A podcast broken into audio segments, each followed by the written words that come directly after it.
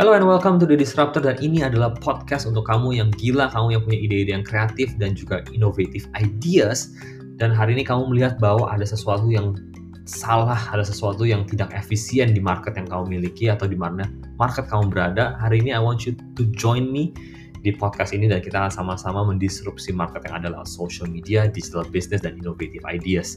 Aku percaya ide-ide teman-teman bukan unik, tapi you are a genius idemu akan mengubahkan bangsa dan negara ini bahkan dunia ini. So, tanpa berlama-lama lagi, I want you to join me in this podcast and let's delve into it. Oke, okay, balik lagi di Disruptors dan bersama dengan William. Hari ini kita akan bahas tentang kenapa consultant, ya kenapa consultant harus banget masuk LinkedIn saat ini juga. Gitu ya, bukan TikTok, bukan apa, tapi LinkedIn LinkedIn mungkin salah satu social network yang sangat-sangat underestimated banget menurut aku pribadi ya.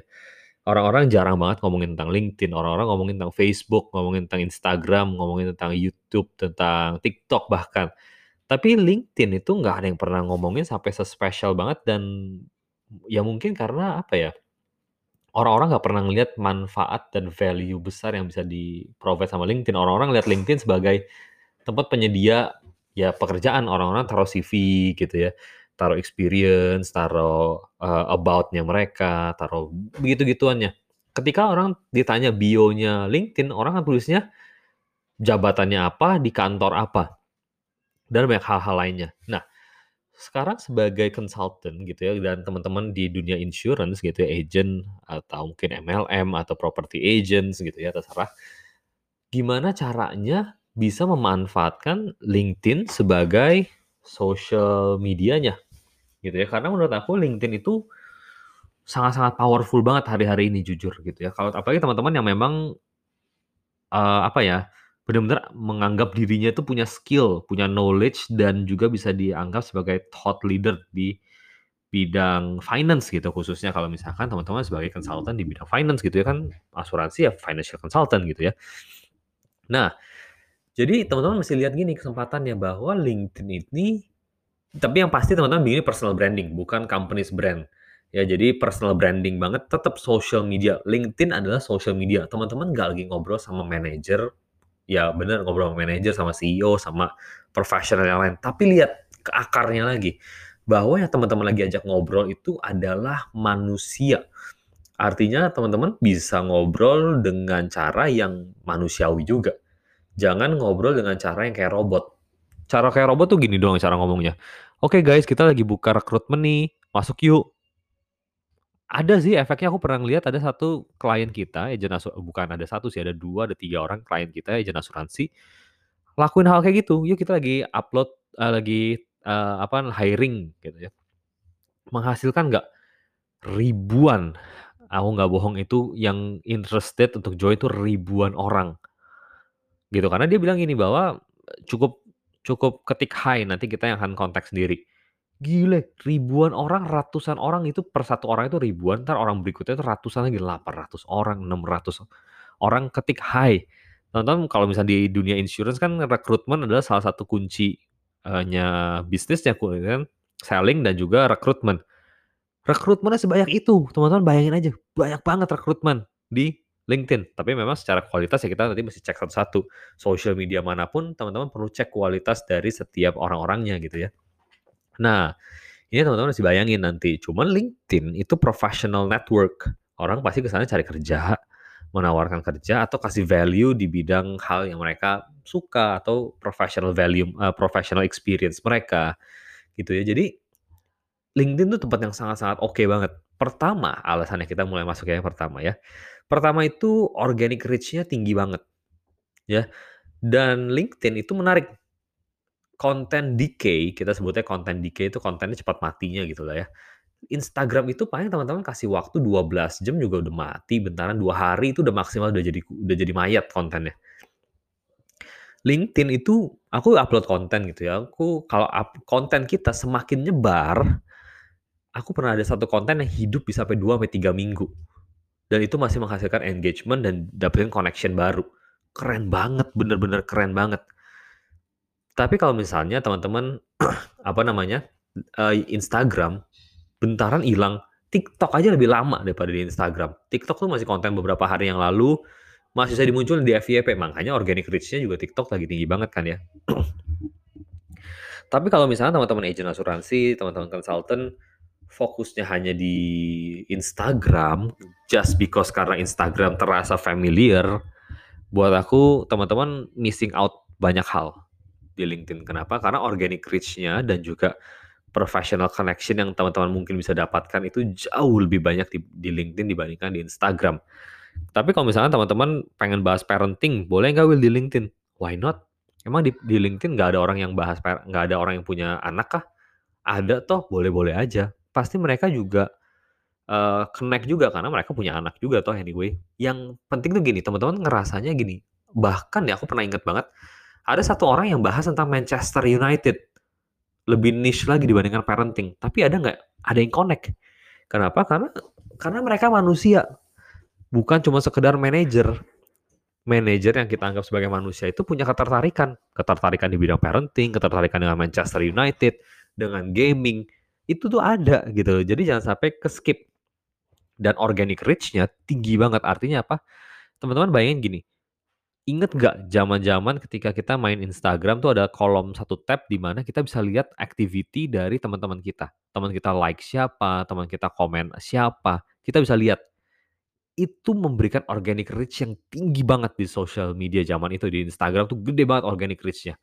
LinkedIn itu masih punya feature kayak gitu. Jadi jangan sampai teman-teman ke skip nanti once LinkedIn udah usernya gede, mereka akan buang kayak gitu-gituan. Ya mungkin ya aku nggak tahu sih akan dibuang atau enggak. Cuma logikanya ketika usernya tambah banyak, mereka akan sama seperti social media lain. Artinya apa? Mulai mulai kayak kayaknya boleh deh kita turun-turunin deh. Kayaknya nggak mesti-mesti banget deh kita kayak gini-gini deh. Nah itu akan mulai sayang. Teman-teman akan miss out opportunity-nya untuk teman-teman grow sebagai LinkedIn influencer. Ya jadi KOL atau jadi thought leader di LinkedIn itu banyak banget. Ada digital marketing thought leader, karir coach thought leader, aku kenal ada yang kayak gitu gitu, ada juga GM gitu, GM yang terkenal banget di LinkedIn, kalau upload konten, teks doang aja bisa 600 orang yang like, bisa ada 100 orang yang komen, kan keren banget, gile. Bapak GM loh itu, bapak-bapak GM bisa connect kayak gitu, keren banget. Aku pas nonton kayak, wah ini bapak keren banget kontennya. Itu tuh teman-teman bisa lakuin gitu di LinkedIn ya. Kedua adalah keuntungannya dari LinkedIn adalah mereka professional network seperti yang tadi aku bilang alay-alay gitu ya, nggak ada di LinkedIn. Biasanya alay pun kalau misalnya udah masuk LinkedIn jadinya agak profesional dikit lah ya. Mungkin masih masih agak-agak alay gitu. Cuman masih mending dibandingkan di Instagram, teman-teman pasang Instagram ads isinya yang like alay semua, buang-buang duit. Kan ngapain? Makanya menurut aku LinkedIn itu sebuah market yang kita tuh nggak pernah coba touch. Per de per Desember 2020 aku inget datanya itu berapa ya? Kalau nggak salah di Indonesia itu pengguna LinkedIn itu 14 juta sampai 17 juta pengguna. Which is gede banget, 14 juta sampai 17 juta pengguna. Itu tuh nggak sedikit, tuh gede loh. Lebih gede daripada paling nggak ya Singapura lah gitu ya, Singapura kan kecil ya. Teman-teman bayangin itu teman-teman punya potensi untuk touch orang sebanyak itu, which is gede banget itu teman-teman ngumpulin di mana 14 juta sampai 17 juta kesempatan. Dan orang itu konsepnya di LinkedIn itu bukan fans. Kalau fans, konsepnya tuh gini, uh, teman-teman follow, mereka nggak follow back gak ada masalah. Kita tetap bisa nikmatin kontennya. Teman-teman follow Justin Bieber, Justin Bieber nggak harus follow kita. Tapi kita tetap bisa nikmatin kontennya Justin Bieber tanpa Justin Bieber perlu menikmati kontennya kita. Artinya apa? Side apa ya one sided connection gitu. Maksudnya ya teman-teman connect sama mereka, tapi Justin Bieber nggak mau connect sama kita. Beda sama LinkedIn. LinkedIn itu gini, aku connect sama Bapak, Bapak harus connect sama saya, baru ada connection-nya. Nah, ketika itu terjadi, artinya Bapak tersebut bisa lihat kontennya kita loh. Keren banget. Bapak-bapak yang misalnya tadi kita lihat kayak, wah keren banget ya. Bisa uh, dapetin kontennya kita yang dibilang bagus banget, ya belum bagus banget juga. Cuman mereka bisa dapat kontennya kita. Itu harusnya kita syukuri banget kesempatan yang kayak gitu. Ya kan? Nah, berikutnya adalah Gimana caranya gini loh, link ah, bukan LinkedIn, Instagram, ya kalau teman-teman masih main di Instagram, teman-teman masih lihat gini, Instagram itu organic reach-nya itu ngedrop loh. Aku sadari banget bahwa orang-orang tuh mulai ngoceh gitu bahwa Instagram kok sekarang ada shadow ban dan lain-lain. Bukan shadow ban sebenarnya, tapi memang organic reach-nya rendah. Kalau kita konten yang nggak berubah dan kita selama-lamanya begitu terus, kita akan diturunin, dipindahin sama Instagram karena audiensnya nggak bergerak mengikuti kita punya konten. Gitu ya, misalkan influencer, cewek-cewek influencer bajunya itu-itu aja. Sedangkan misalkan contoh ini aku ngomong agak-agak vulgar sedikit. Contoh misalkan gini, dulu ada sat bukan dulu ini maksudnya aku ambil contoh satu orang aja ini orang fiktif gitu ya. Ini contoh satu wanita cantik seksi gitu ya. Dia selama ini dapetin konten, eh dapetin konten, dapetin engagement dengan foto-foto yang baju seksi gitu, bikini atau crop top atau rok super pendek, dress super pendek yang kelihatan badannya. Tapi once dia di-endorse sama orang yang jualnya jeans, pakai uh, apa namanya tuh baju apa sih itu cewek-cewek ya, uh, yang tangan panjang gitu ya, likes-nya hilang. Kenapa? Karena engagement-nya selama ini sukanya karena dia pakai baju-baju mini yang seksi-seksi. Kalau baca demografiknya, mungkin gendernya paling gede adalah cowok. 70%, 70% cowok emang mau beli baju cewek? Nggak mau, dia cuma mau lihat ini orang seksi aja. Nah, itu aja bisa ngubah algoritma dan jangkauan kita. Kenapa behavior-nya berubah? Contoh lagi nih, orang yang tadinya suka baju-baju seksi, tampilin uh, belahan-belahan dada atau belahan apa gitu ya, tiba-tiba udah udah nggak mau tampilin itu lagi. Karena misalkan udah punya cowok gitu udah punya pacar cowok pacarnya bilang kamu jangan kayak gitu-gitu lagi deh kayaknya saya nggak aku nggak suka deh. Ya wes ceweknya kan ikutin dong. Ya aku aku nggak buka eh, nggak pakai baju-baju yang terbuka lagi deh. Terus mulai upload foto sama pacar berdua baju-bajunya mulai tertutup.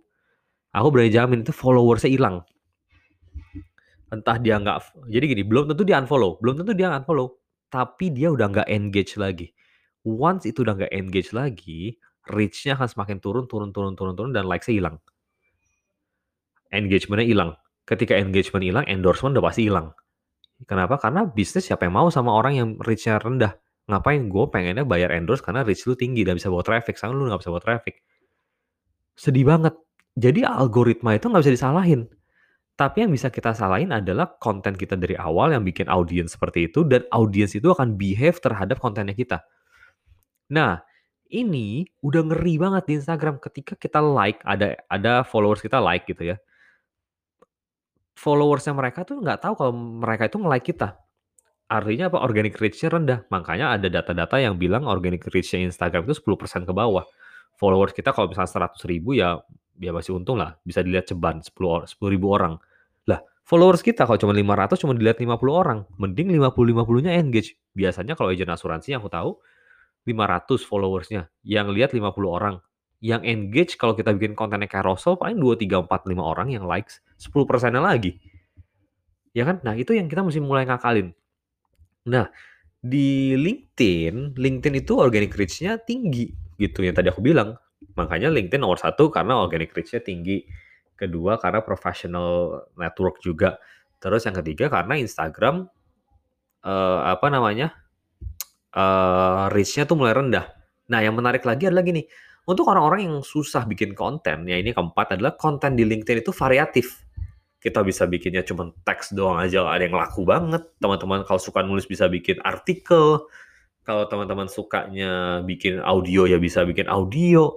Ya mungkin uploadnya bukan audio lah, mungkin link ke kita punya podcast gitu. Misalnya kalau teman-teman suka video, bisa upload video, bisa upload carousel dalam bentuk dokumen, bisa macam-macam lah. Kontennya tuh lebih variatif. Kalau misalnya di Instagram kan kita masih uploadnya dalam bentuk image atau video paling enggak ya.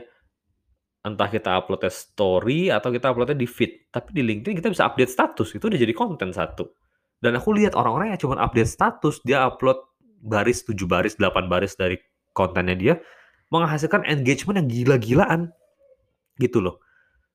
Jadi buat aku LinkedIn itu udah nggak ada nolah buat aku. Tuh kayak harus lah agent asuransi itu harus masuk ke LinkedIn menurut aku. Karena kalau nggak serius teman-teman missing out a lot of stuff gitu di LinkedIn. Dan kalau misalkan nanti teman-teman telat ketika LinkedIn udah nggak kasih jangkauan sebesar ini lagi teman-teman akan nyesel karena connection udah makin susah untuk dibangun rich content kita udah nggak bisa nyebar ke mana-mana contoh lah aku bikin konten kemarin itu aku sekalian buka sambil buka gitu ya aku upload konten tuh aneh banget upload konten cuma ngomongin tentang apa ya kemarin ya.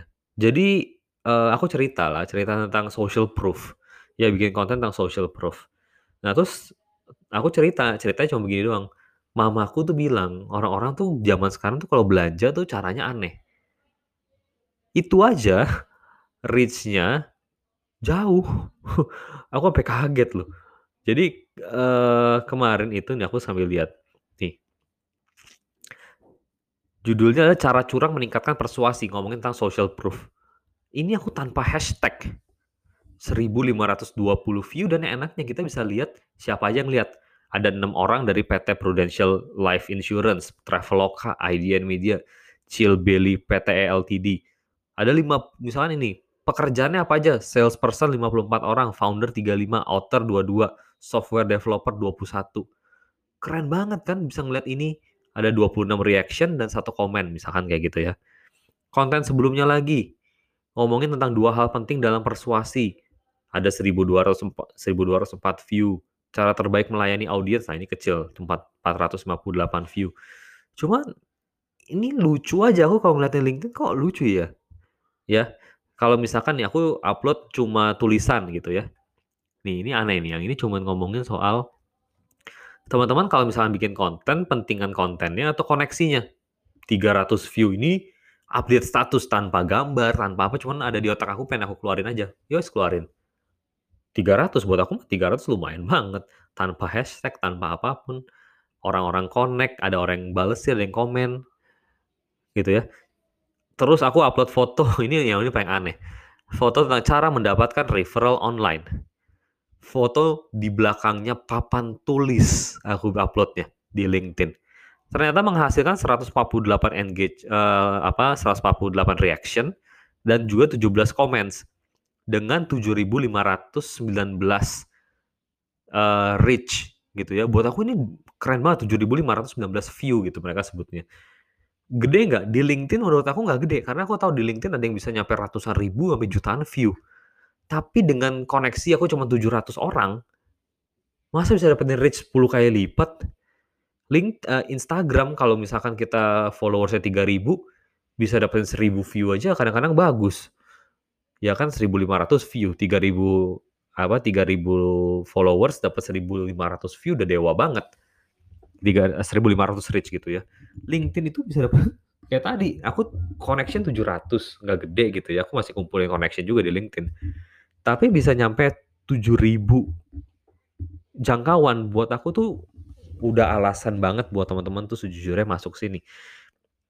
Teman-teman bisa bangun konten, bisa bangun connection di sini. Kenapa? Karena tadi ada yang bilang juga uh, founder dari apa gitu aku lupa dia bilang gini. Konten penting karena konten itu pintu untuk kita bisa punya percakapan. Buat aku setuju kalau teman-teman nggak bikin konten juga di LinkedIn, teman-teman cuman uh, sign up masuk tapi nggak pernah bikin konten, teman-teman nggak bisa ngobrol juga sama orang. Nah, teman-teman pasti mikir gini, Will, tapi aku udah bikin konten tapi nggak ada yang engage. Yo wes kalau gitu engage duluan, jangan ngarepin orang duluan.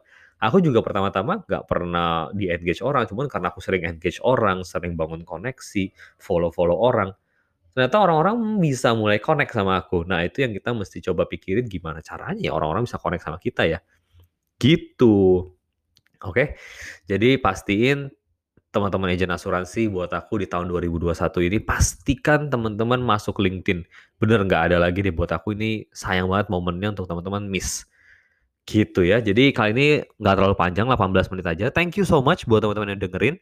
Hopefully bisa ngebantu teman-teman dan uh, kalau teman-teman merasa video, uh, apa namanya podcast ini bermanfaat, pastikan teman-teman follow Spotify-nya dan juga teman-teman bagikan ke grup asuransinya teman-teman sendiri.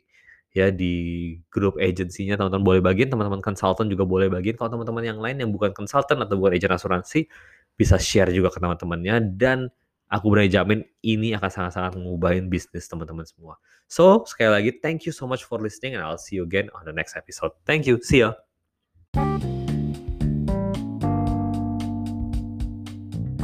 Hey, thank you so much udah dengerin Disruptors episode kali ini. Hopefully it can help you, hopefully inspires you juga untuk tetap kerja, tetap semangat untuk bisa capai target kita di tahun 2021 ini. Hopefully teman-teman bisa uh, capai semuanya gitu ya. Jadi kalau teman-teman menikmati episode kali ini, teman-teman bisa tolong share, bisa follow kita punya Spotify atau mungkin di rating di Apple podcastnya supaya kita bisa muncul di atas gitu ya. Jadi thank you so much udah dengerin dan I'll see you di episode berikutnya. Thank you.